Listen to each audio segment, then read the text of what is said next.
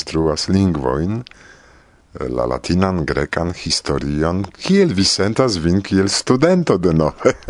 mi povas almeno diri che mi sentas min pli juna kun miai kolegoj kaj antau miai profesoroj citie, sed sed samtempe ĉar mi havas sperton kiel profesoro ene de tiu lingvistika faco, mi comportas iom da cono quiu helpas min dum mia studado citie, cae estas vere plesure che et Ilona Kutni, la conordiganto foie invitas min iel contribui, cae mi povis aperigi du chapitroin ene de la lasta i libroi de Ilona, pri culturo cae tiu alia, quiu jus aperis pri comunicado en Esperanto. Do, estas iomete ambigue, char mi estas samtempe studento, mi devas examenigi frequenti leziono in prelego in ketil plu, sed samtempe foje il invitas min kiel professoron por partopreni de vespermanĝo kai por diskuti pri la situacio de Esperanto en de universitatoi Do mia situatio estas compreneble kiel studento, sed mi pensas ke pro la facto ke mi am estas profesoro iel mi povas au povos ancora contribui. Sed compreneble mi ne havis sperton en tiu specifa faco de interlingvistico, do mi educigas pri tio, cae eble poste mi povos alion fari en Brasilo iu dualismo kiun havis iam ankaŭ Cristoforo Ludovico Zalewski Zamenhof kiu diris che mi estas avo, sed por ciui tamen mi restas nepo. Compreneble, char li estas, li estis, kai eble ciam estos memorata kiel la nepo de nia maestro, la creinto de Esperanto Zamenhof, ĉu ne? Kion vi faros kun via scio, kion vi ĉerpas nuntempe dum studado de interlingvistiko, kion vi faros kun tio en Brazilo poste? Mi multon lernis ne nur pri Esperanto, sed ankaŭ pri la esperanta kulturo kaj literaturo kai ankaŭ pri pritiu alia subfaco, kiu noni povas nomi interlingvistico, kiu estas la scienco kiu occupigas pri plurai interlingvoi, ne nur Esperanto. Do ni lernis pri aliai planlingvoi, aliai proiectoi pri lingvoi. Do mi pensas che entute tiui conoi estos utilai por mi, compreneble kiel esperantisto mi estas nun pli clera ol antaue, sed praktike mia intenso estas iel enconduci tiuin studoin en mia universitato. Mi am diris che mi occupigas pri classicae lingvoi, sed mi povas enconduci iun alian facon, se mi shatus, crom mia regula laboro compreneble, pri interlingvistico, Kai interlingvistico esta suffice nova faco en Brasilo.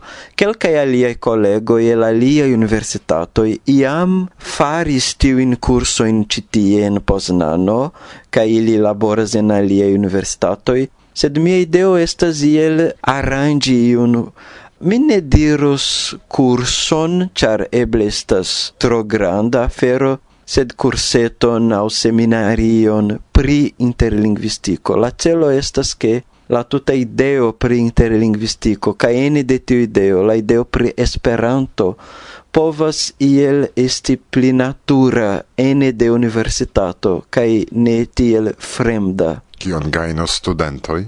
Mi pensas che la monde rigardo post Esperanto estas tute alia ol antaŭe. Do Esperanto ebligas unikajn spertojn al tiuj kiuj gin conas. Do se studentoi qui conatigas cum la ideo pri interlinguistico poste decidas farigi esperantisto mi penas che ili multon gainas cum tio, cio ne?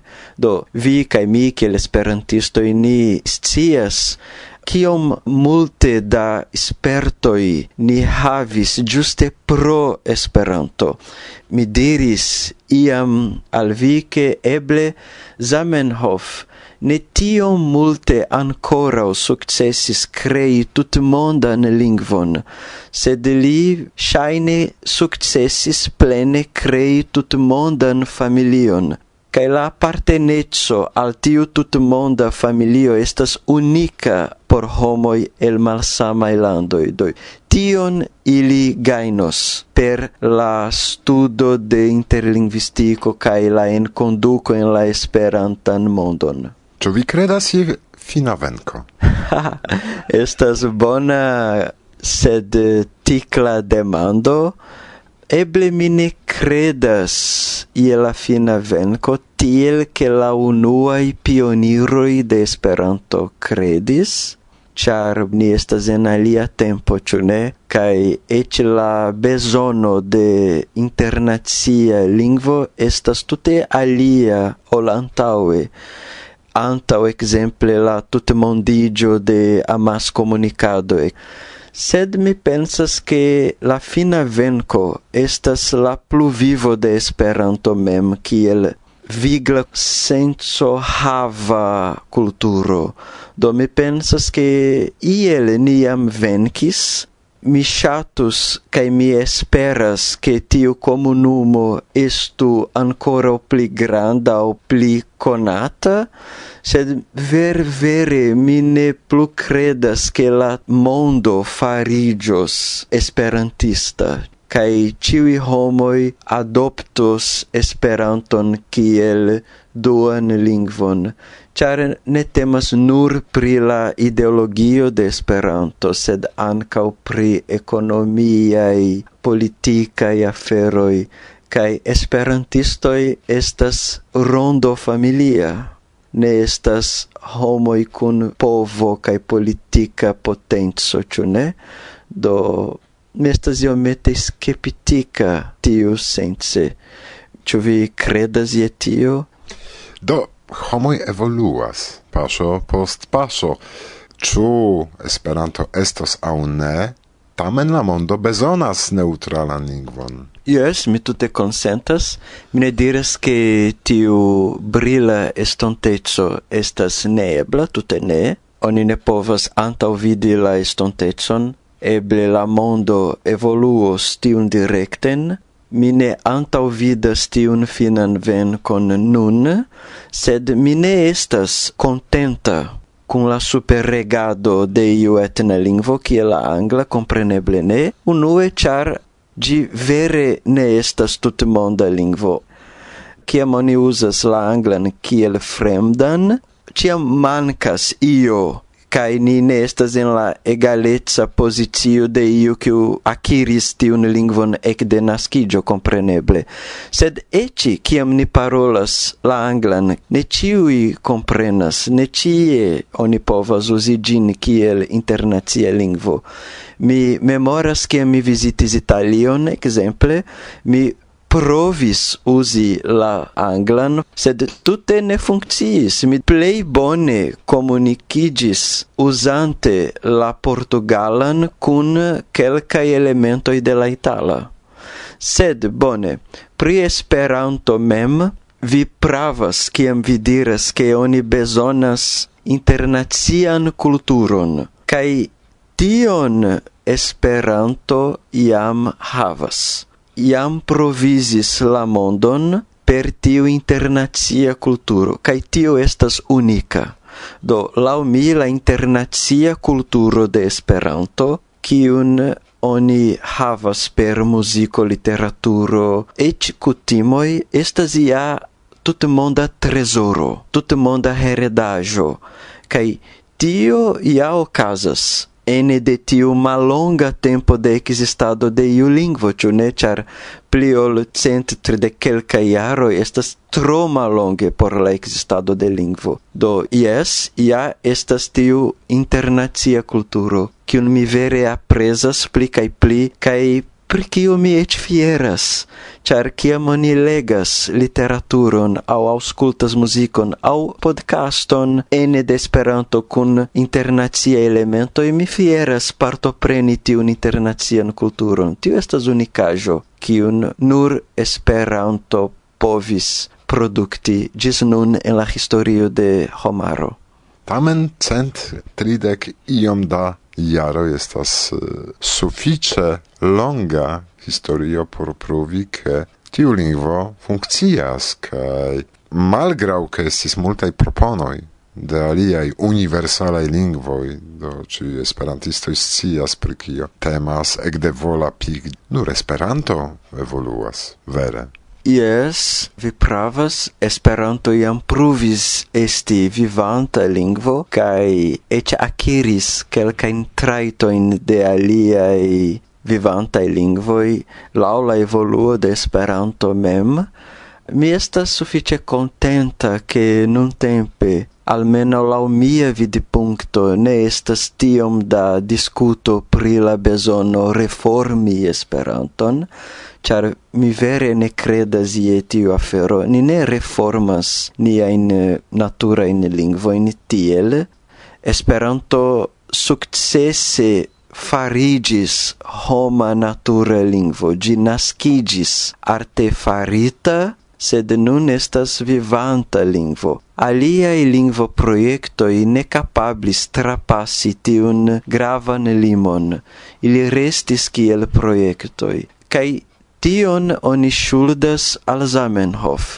Tiu grava intelektulo estis nekonscia eble lingvisto. Li ne fakigis pri lingvistiko, sed li havis seriosan hobion kaj ne nekonscian lerton pri lingvoi Do Esperanto, kiam oni komparas gin kun alia lingvo oni vidas ke Zamenhof nekonscie sekvis tiun universala in traito in de lingvoi kai tial eble Esperanto funkcias, char gi pli malpli spegulas homajn lingvoin Vi kiel profesoro estas instruisto. Kion vi dirus al instruistoj? Antaŭe mi ne kuraĝis instrui la lingvon, ĉar mi ĉiam havis tiun altan preferencon pri kio estas esti instruisto pri lingvo, ĉu ne? sed la instruado de Esperanto gravas por pli disvastigio de la lingvo, kaj ni plejparte instruas Esperanton ne profesie kaj gi valoras mi mem lernis Esperanton kun iu ne profesia instruisto tamen tre bona do mi pensas ke ene de nia movado ni shuldas multon al tiui activuloi kiui curagis instrui la lingvon char se oni bezonas diplomigion Esperanto, tute ne estus instruita.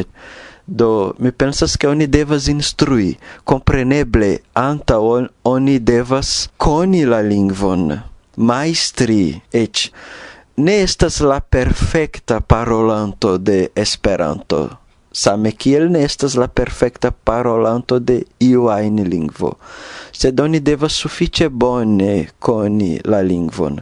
Oni povas instrui se ni havas tiun emon, sed por instruistoj generale kaj ankaŭ por la esperantaj instruistoj, mi pensas ke la plej grava afero estas neniam perdi la ideon che instrui estas havi rilaton con homoi.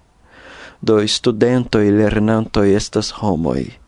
Do se ni ciam consideras la hometson de la afero, ne nur la tecnican flancon de instruado, mi pensas che instruado flue iras, ciu ne estas glata cae agrabla, kai kiel homoi ni povas condividi niain spertoin, kai eci foie instruistoi lernas de la lernantoi. Do, en mia laboro mi ciam shatas valorigi tiun homan aspecton de instruado, multe pli la teknikan ĉu en la universitato vi desiros kolekti grupon de studentoi, kai eble fondi un klubon universitatan de Esperanto? Yes, compreneble mi partoprenas mian Esperanto klubon en mia urbo, Kea Culture Esperanto Asocio de Juiz de Fora en Brazilo, sed mia vera intenso estas starigi iun aranjon en la universitato. Antau plure iaroi iu exa professoro de mia universitato estis grava esperantisto en Brazilo, kiu ec presidis la Brazilan Esperanto Ligon, kai li fondis catedron pri Esperanto en mia universitato. Temas pri la jus forpasinta professoro José Passini cae li fondis tiun catedron tie, sed li emeritigis antau plura iaroi, cae neniu transprenis la catedron. Antau quelca iaroi, cia mi eniris la universitaton, aliai esperantistoi, ec professoroi, diris al mi, Fabio, kial vi ne transprenas la catedron pri Esperanto? Cae tiam mi tute ne havis curagion sed nun post tiu studoi en Poznano, cae post mia maturigio kiel esperantisto, mi vere pensas refondi la catedron de Esperanto de mia universitato. Mi pensas che estos bela revo por mi, cae ech honoro al professoro Passini kiu donis al mi la unuain lecionoin pri Esperanto antau pli ol dudek jaroj. Kion ni ricevas iam, poste ni ŝatos tion redoni. Kion vi ŝatus diri al esperantisto en la mondo? Venu en Varsovion.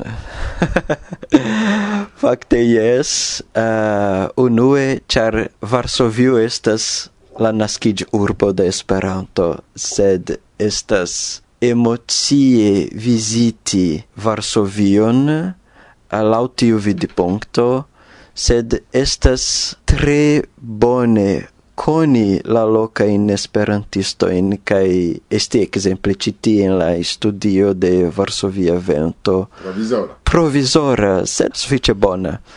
Do Varsovio valoras la penon veno al Varsovio, se eble, se ne abonu la Varsovian venton podcaston, char per gi oni povas iun angulon de Esperantio coni. Kiel iam tion bele resumis Antoni Grabowski, la patro de literaturo esperantista, Samidano caravi, bonvenon en Varsovii. Do anta mikrofono de Varsovia vento mikrofone renkontiĝis kun Irek. Fabio Fortes el Brazilo saluton al ciui. Kaj mi povas nur aldoni bla bla bla. Dankon.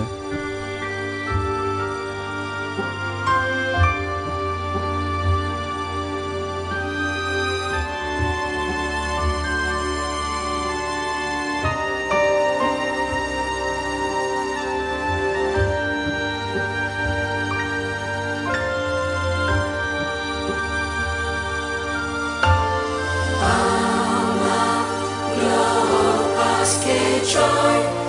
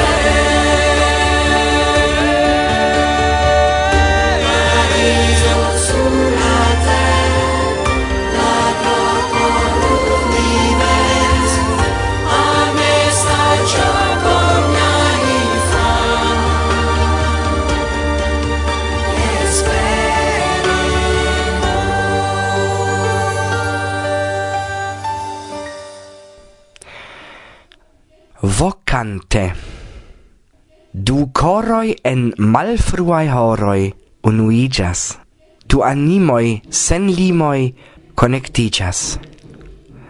Du homoi sopiras forte, cae cune suspiras amvorte, du coroi, du animoi, vi cae mi.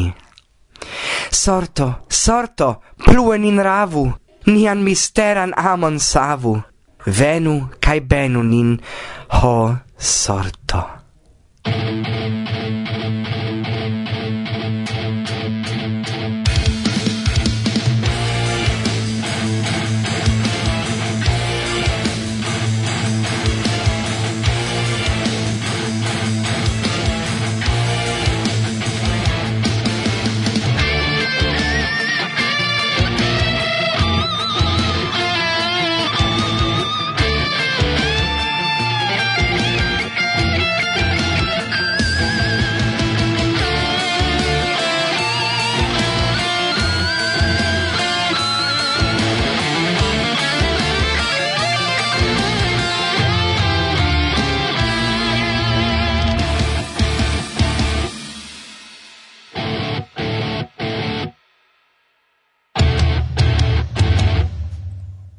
Saluton de la muzika angulo de Kasiacho.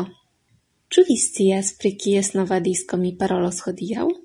Lia koncerto okazis antaŭ unu monato dum junulara esemajno en Storkov. Kaj vi aŭdis ankaŭ unu lian kanton en la lasta elsendo. Temas certe pri Johnny Mao kaj lia delonge atendita albumo kun titolo Petolas. Kion ni trovos en ĝi? Estas jam la tria verko de Geronimo. Same kiel en la aliaj albumoj, la artisto ne hezitas esplori novajn sonojn kaj trovi novajn kunlaborantojn. La generala stilo de la disco estas daŭre mikso de regeo kaj repo, tiom karakteriza por Geronimo. Sed en kelkaj kantoj oni sentas fortan sud-amerikan influon. Valoras ancau ausculti la textoin. Krom popularaj temoj kiel amo kaj amikeco, Johnny Mo ne timas tuŝi socipolitikajn aferojn. Li ankaŭ ŝatas kanti pri sia propra kantado. Eĉ se vi ne tiom interesiĝis pri regeo antaŭe, mi pensas ke en tiu disko ĉiuj trovos iun temon, melodion aŭ stilon por si mem. Ankaŭ mi ĝin trovis. Mi ŝategas latin-american muzikon, Do mi electis giuste tian canton por hodiaua auscultado. Antau vi, canto Venona de Johnny Mo. Parolis Kasia Ho.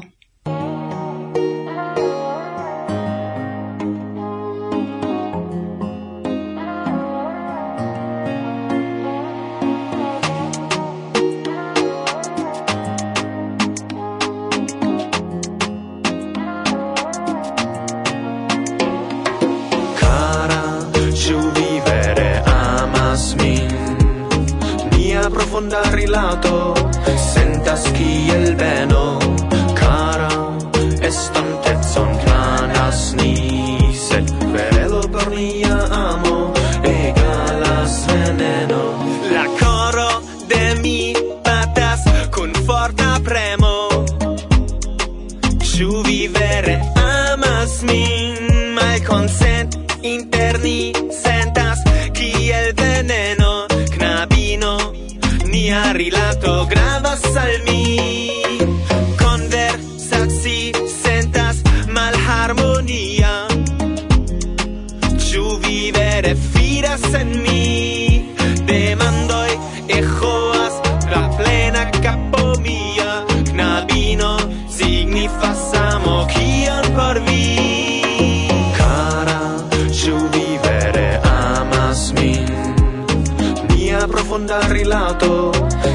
estas kiel beno cara estontezon planas ni Sed kverelo por nia amo egalas veneno.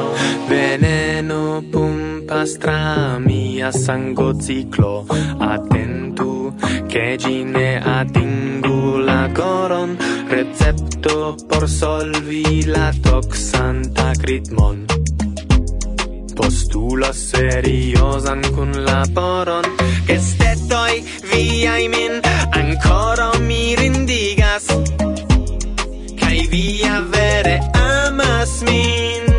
La coro gioie en mia brusto saltas. Restas vi la plei bella por mi. Cara, ciu vi vere amas min?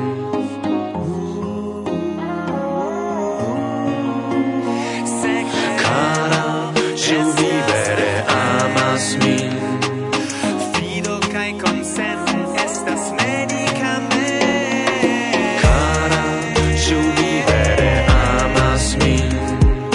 Mia profunda rilato sentas kiel beno.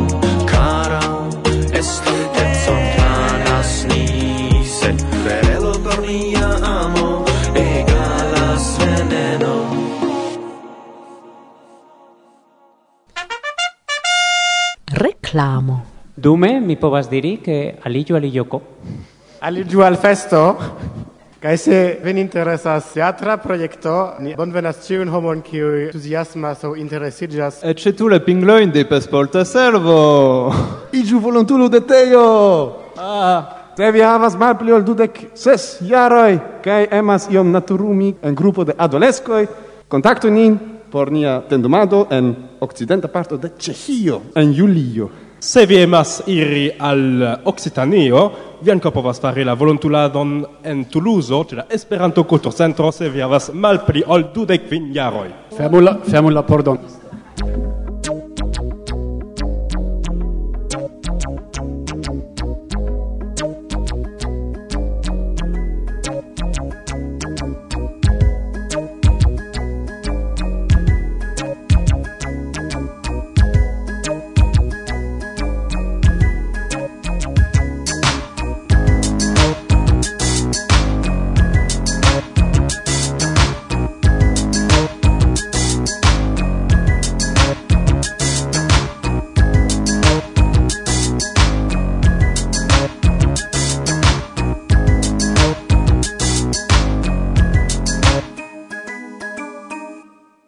varsovia vento bla bla bla, bla.